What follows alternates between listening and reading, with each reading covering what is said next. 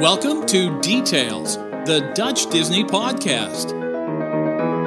Welkom bij Details, een nieuwe podcast voor Disney-liefhebbers. En dan hebben we het over de pretparken, de films, eigenlijk alles wat te maken heeft met de Walt Disney Company.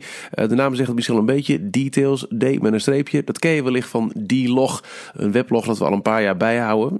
Ene moment wat meer actiever dan het andere.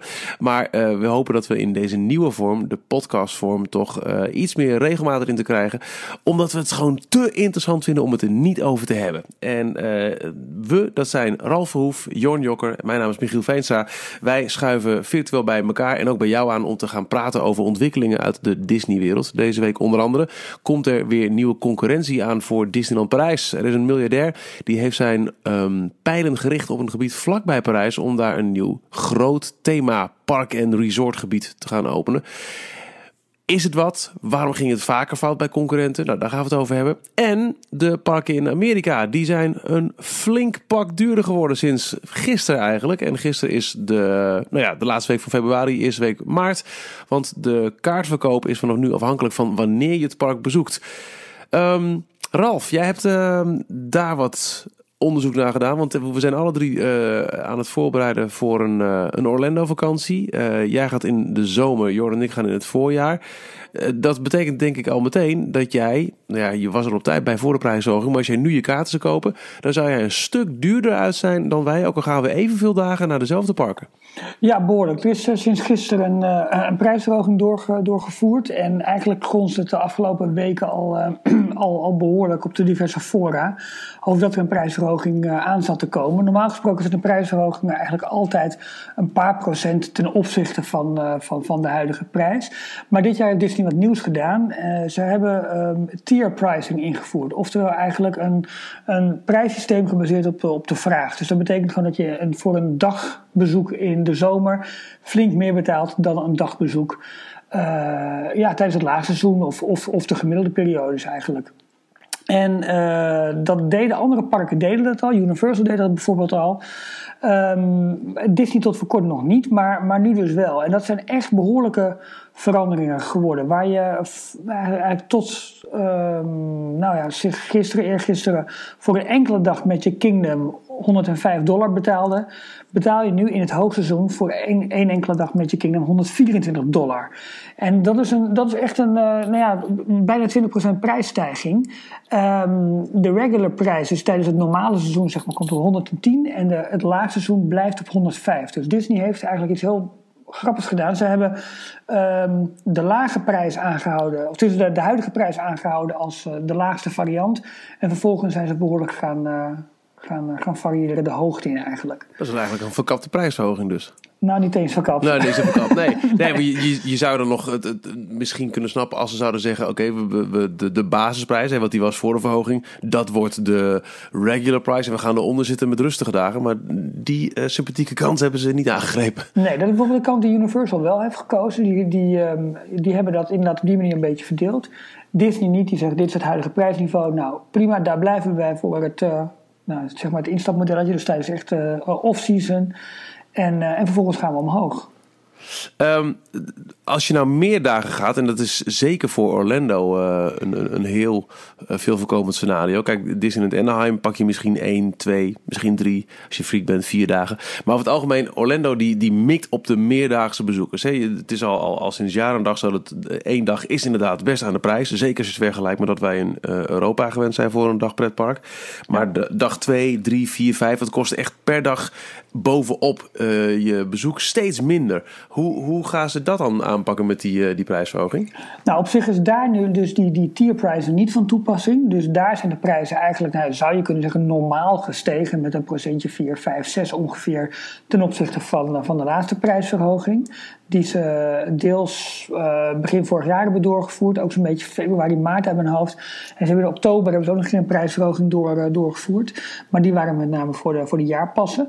Um, ja, dus die prijzen beginnen nu bij een, een tweedaags uh, voor volwassenen op 215 dollar. Dat is inclusief tax. dus daar, daar zit je rond, rond de 200 dollar. Um, ze, ze, hebben daar een beetje het niveau, een beetje het gemiddelde niveau zeg maar, aangehouden. En dat begint echt te lonen. Um, ja, vanaf vier dagen ongeveer. Dus als je vier dagen of langer gaat, daar begint het te lonen. Maar het is wel zo dat dus de meerdaagse passen zijn gewoon het hele jaar door dezelfde prijs. Ze zijn bij die, bij die prijsverhoging vorig jaar trouwens al door die magische grens van, van 100 dollar heen gegaan. Ja, dat is een, een psychologisch ding, ja. Ja, en, en ze maken, dat valt me ook heel erg op, uh, ze maken onderscheid tussen, in, vooral in Orlando, tussen Magic Kingdom en alle andere parken. Dus Magic Kingdom, daar uh, gooien ze nog eens een keer een paar dollar bovenop. Wat, wat, wat, wat staat zijn dat het, dat het zo'n verschil is tussen nou ja, Europese parken en, en dus ook Europese pretparkbezoekers, die, die zijn het helemaal niet gewend, joh. Want voor een, wat is, wat is een dagticket Parijs? 70 euro? Ja, voor, ja, de, de standaard de hopper volgens mij. Dus ja, standaard de hopper. En ja. dat is in vergelijking met Efteling, wat, daar betaal je denk ik 45 Nou, iets minder, voor mij rond de 40 euro. Oké, okay, rond, de, rond de 40. Ja. Nou, dat is, dat is dus um, een dagje Efteling is in het hoogseizoen dus letterlijk een derde van een dagje Magic Kingdom. Klopt. Ja, wow. maar de vraag is hoeveel mensen gaan er één dag naar een Disneypark of het Magic Kingdom en kopen aan de kassa hun kaartje pas. Nou ja, ik denk dat het wel steeds minder wordt op deze manier. ja, ja, dat denk ik ook wel. Um, zou je toch kunnen verdedigen als je zou zeggen: Oké, er is ontzettend veel geïnvesteerd in nieuwe attracties. En uh, weet je, er zijn zulke toffe nieuwe dingen. Ja, dan, dan mag de prijs wel een, een, een paar euro omhoog. Ik zou ook bijna willen zeggen: dat is wellicht ook wel de reden waarom Disneyland Parijs nauwelijks in prijs is gestegen de afgelopen jaren. Want laten we eerlijk zijn, daar is niet echt heel veel bijgebouwd, los van de, de, de dingen in het Studiospark. Maar het, het, het, het, het hoofdpark, het Magic Kingdom in Parijs, daar is al sinds, nou, wat is het? Space Mountain? ja, ja, Buzz Lightyear kwam erbij, maar kwam in plaats van een andere attractie. Dus dat telt dan niet helemaal. Um, maar dat is in Orlando ook niet echt het geval. Ja, we hebben een nieuw Fantasyland gehad. Maar als je kijkt naar Universal met een hele Harry Potter gebied. Dat, dat is een substantiële uitbreiding. Hoe, hoe, hoe komen ze hiermee weg? Ik denk dat Disney met name heel erg heeft geïnvesteerd in het, in, in, in het scheppen van verwachtingen. Ik bedoel, Avatarland ja, komt, er, komt eraan, Star Wars Land komt eraan, maar dat zijn echt meerjarenplannen. Ja, dat is al lang niet aan. De, Tegen de tijd dat die er zijn, zitten denk ik weer 20 dollar verder. Als Precies, het niet meer is. Uh, Avatarland volgend jaar 2017 uh, gaat er aankomen in Animal Kingdom. Maar voor de rest in het hele resort gebeurt er niet zo heel erg veel. Het is op, op, op groot gebied. Disney Springs zijn ze natuurlijk wel helemaal aan het verbouwen. Ja, dus het, het, het, winkel en, en restaurantsdistrict. Klopt, ja, het, het vroeger Downtown Disney eigenlijk. Uh, maar vergis je ook niet wat bijvoorbeeld een introductie van het hele Fastpass Plus en My Magic Plus um, heeft betekend voor, uh, voor de Disney, Walt Disney Company.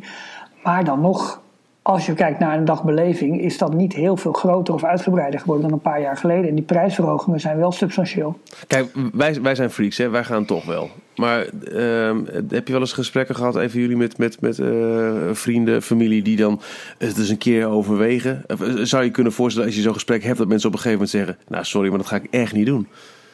Ja, zeker. Dat komt, uh, komt heel vaak voor. En dan is het gelijk het eerste antwoord: ja, maar dat is toch niet te betalen? Uh, ga met je gezin, kleine kinderen erbij, een paar dagen naar, naar Parijs. Ja. En je bent een klein fortuin kwijt. Ja, ja, en dat, dat is dan Parijs.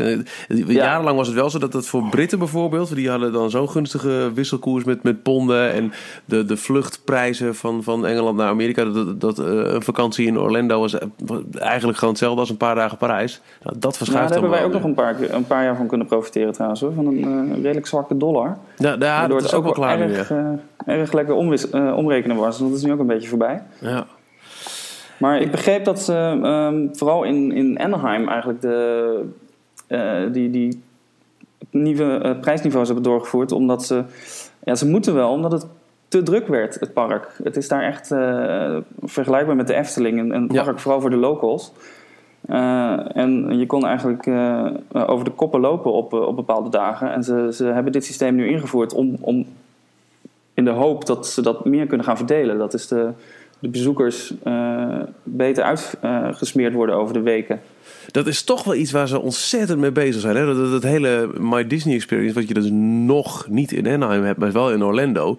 Ja, los van het feit dat het een leuk uh, te marketen is en dat het een, uh, als, als service wordt verkocht aan, uh, aan gasten, is het natuurlijk hoofdzakelijk een manier om um, je, je, je visitor flow te controleren. Want je weet precies van tevoren waar mensen willen zijn. Want hebben ze een vastpas weer getekend.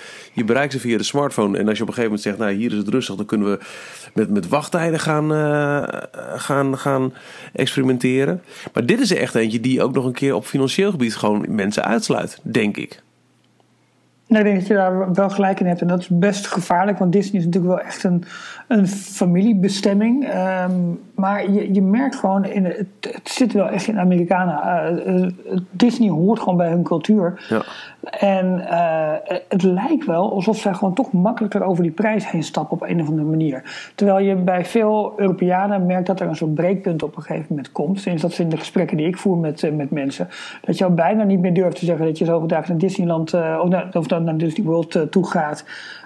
Want je moet die prijs min of meer verdedigen eigenlijk. Ja, um, ja dat, dat is wel lastig. Maar ik, ik merk dat ook op de, ook op de voorraden. Er wordt wel schande over gesproken over die hoge prijsverhoging. Dat er zo weinig tegenover staat eigenlijk.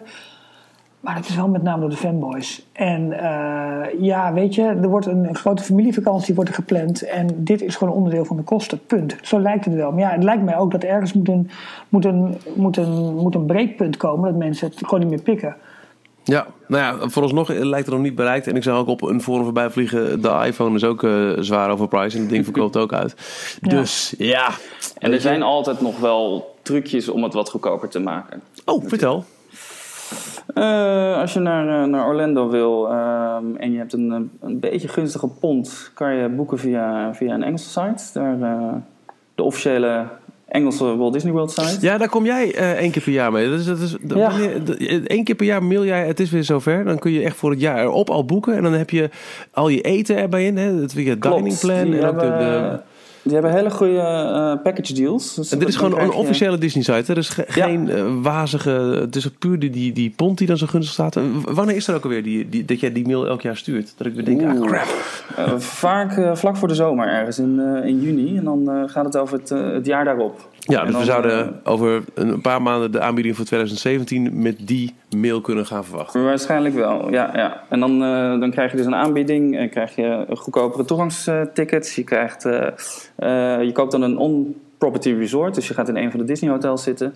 Je krijgt een dining plan er gratis bij.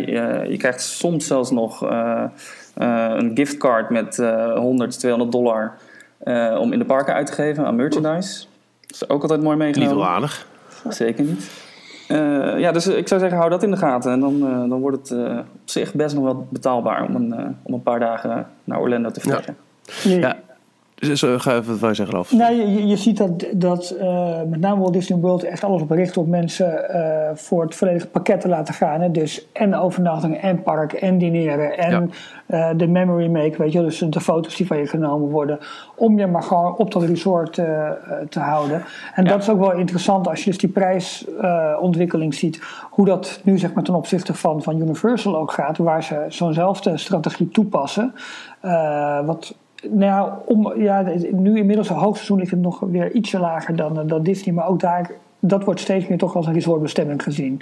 Dus die gaan gewoon echt keihard tegen elkaar concurreren. Dus echt de, de, ja, waar je voorheen een dagje naar, naar Universal ging, doe je het er nu ook vaak bij als een, uh, als een uh, twee, drie, vierdaagse trip eigenlijk. Dat is toch altijd al de, de, de, theorie geweest van, van Walt Disney World. Hè? Op het moment dat Universal aankondigde, midden jaren tachtig, we gaan uh, studios openen, was er ineens de MGM studios, tegenwoordig de Hollywood studios.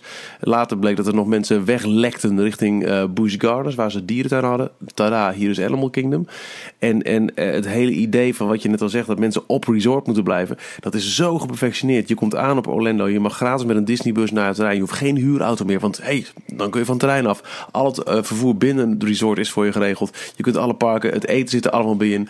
En, dat ene dagje Universal, ja, dat, wordt steeds meer verleidelijk om dat ook maar in een paar dagen in te pakken. Want uh, ik zat even te kijken, we, we zeiden net al, we zijn zelf ook aan het plannen voor een vakantie. Um, als je één dagje Universal wil pakken en dan wil je toch ook Islands of Adventure, het park wat erbij hoort om uh, die volledige uh, belevenis mee te maken, dan zit je bij 150 dollar voor één dag. Holy, ja. holy. Ja. Ja, die hebben nou, sinds, dat, dat, dat, dat, Harry is... Potter ook uh, een grote aantrekkingskracht. En uh, die, uh, die weten de mensen wel te trekken inderdaad richting ja. hun, hun, kant. En dat is de grootste angst van Disney. Terwijl Disney eigenlijk een beetje te lang achterover heeft gezeten met, met nieuwe uitbreidingen. Ze hebben dan uh, Nieuw Fantasyland hebben ze geopend en, en Avatar aangekondigd. Maar het zag er allemaal niet heel erg goed uit. want ze waren vooral heel veel geld in uh, My Disney Experience aan het pompen of My Magic Plus. Ja, en uiteindelijk is het denk ik een heel slimme zet geweest. Want het werkt en het houdt mensen echt met heel veel servicegerichtheid op het resort. Maar de korte termijn is natuurlijk wel dat er geen nieuwe attracties zijn waarop je zegt... hé, hey, daarom gaan we er weer naartoe. Klopt, maar goed, klopt. Um, over concurrentie gesproken. Want de concurrentie uh, daar die wordt in ieder geval op, uh, op hoog prijsniveau uitgevochten. Um, Parijs heeft ook weer een potentiële nieuwe concurrent op de loer. Uh, nu gaat het over de Chinese miljardair Wang. Die heeft aangekondigd met uh, uh, concept art en alles dat hij een nieuw. Ja, het is niet echt een themapark, maar een heel entertainmentgebied wil gaan openen op zo'n 40 kilometer afstand van Parijs. Europa City.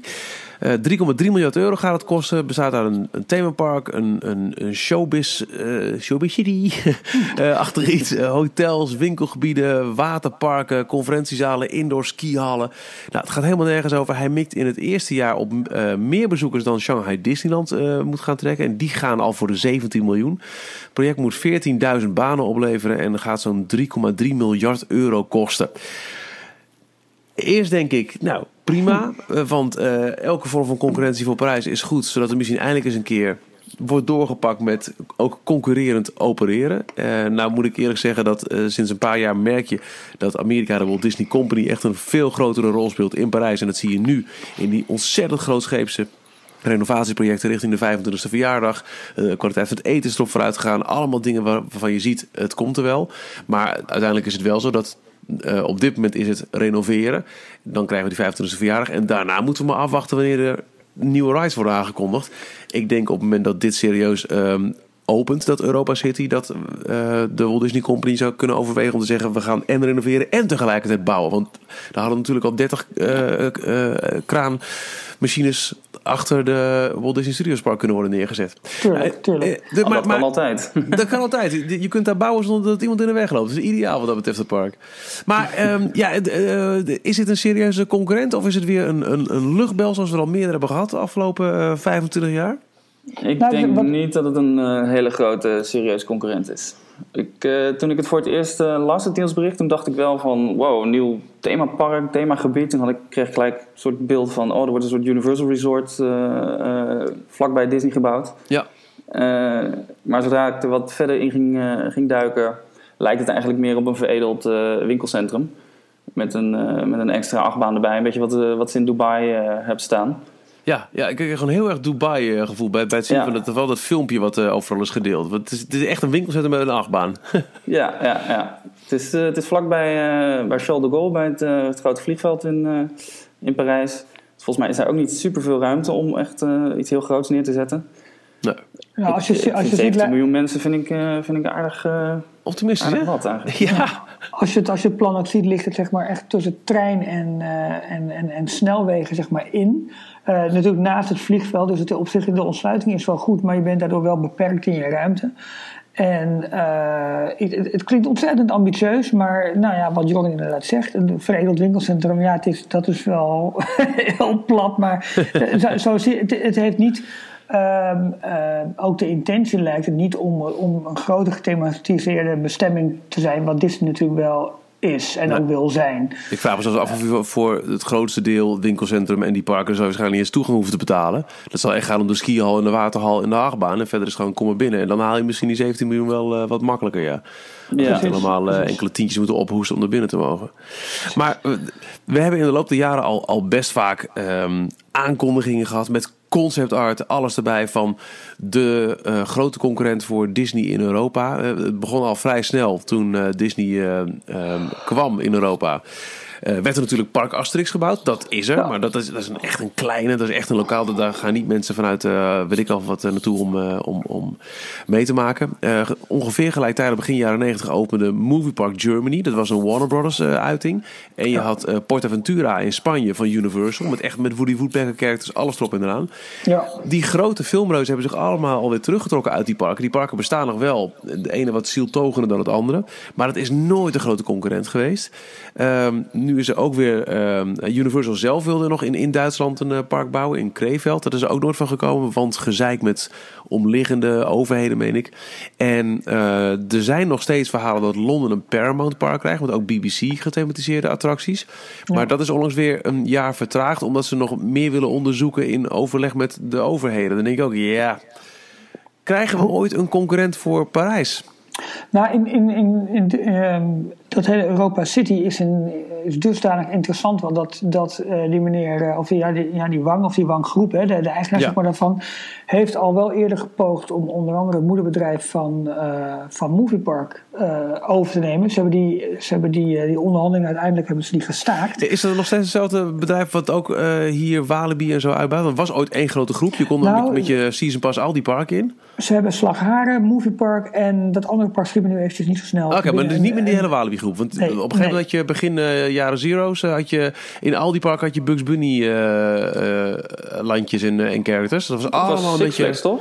Ja, grote Amerikaan. Ja, nee, maar dit, nee, maar dit... Big Bang in al die parken een stuk of vier, vijf afbanen neergezet. Ja. Dat, dat was ook echt de periode dat, dat, dat Ralf en ik helemaal geïnteresseerd raakten in themeparks werk. Want we zaten toen samen op één kantoor en we, de hele tijd themepark.nl checken. Want dat was toen de, de bouw van wat Six Flags Holland werd. Al die achtbanen werden neergezet. Ja. En toen had je ook net Rollercoaster Koen was net uit. Dus dat was de hoogtijperiode.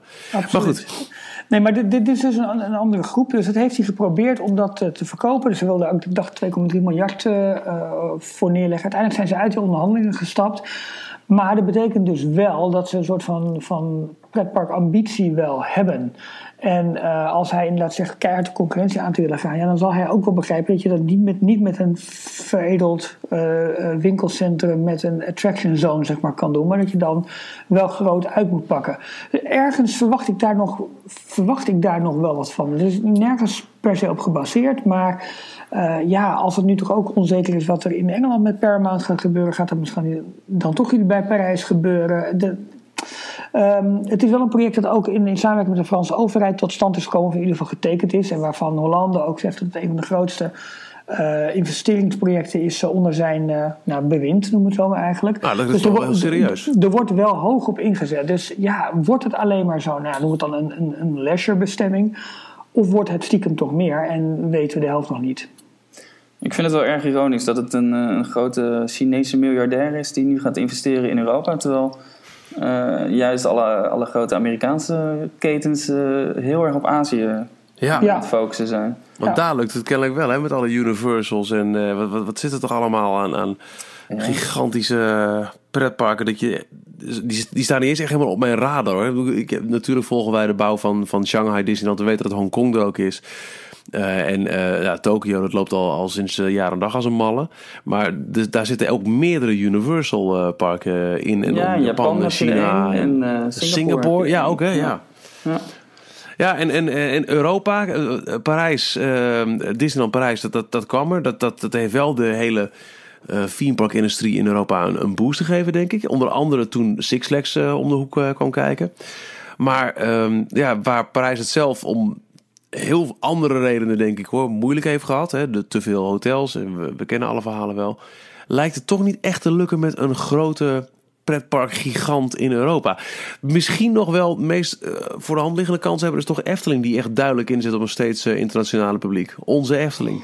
Ja, het zijn eh, met name inderdaad toch wel de, de, de lokale of, of meer, noem het dan in Europese land misschien iets regionale initiatieven die het wel heel goed lijken te doen. Efteling is daar een voorbeeld van. Maar kijk bijvoorbeeld ook naar Europa Park in, in Duitsland. Ja. En nu toch ook de Portaventura um, uh, ja, bij Salau in, in Spanje. Net heeft zeg maar voor 100 kilometer onder Barcelona.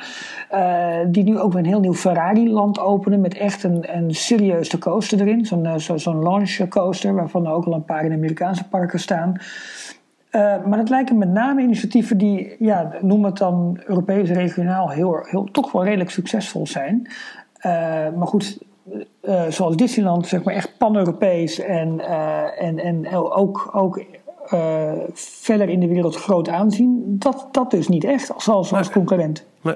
Ik zat nog te denken, ik hoor je zo praten. Zou het te maken kunnen hebben met wat we in het begin even aanstipten over waarom Amerikanen toch makkelijker dat geld ophoesten voor de parken daar?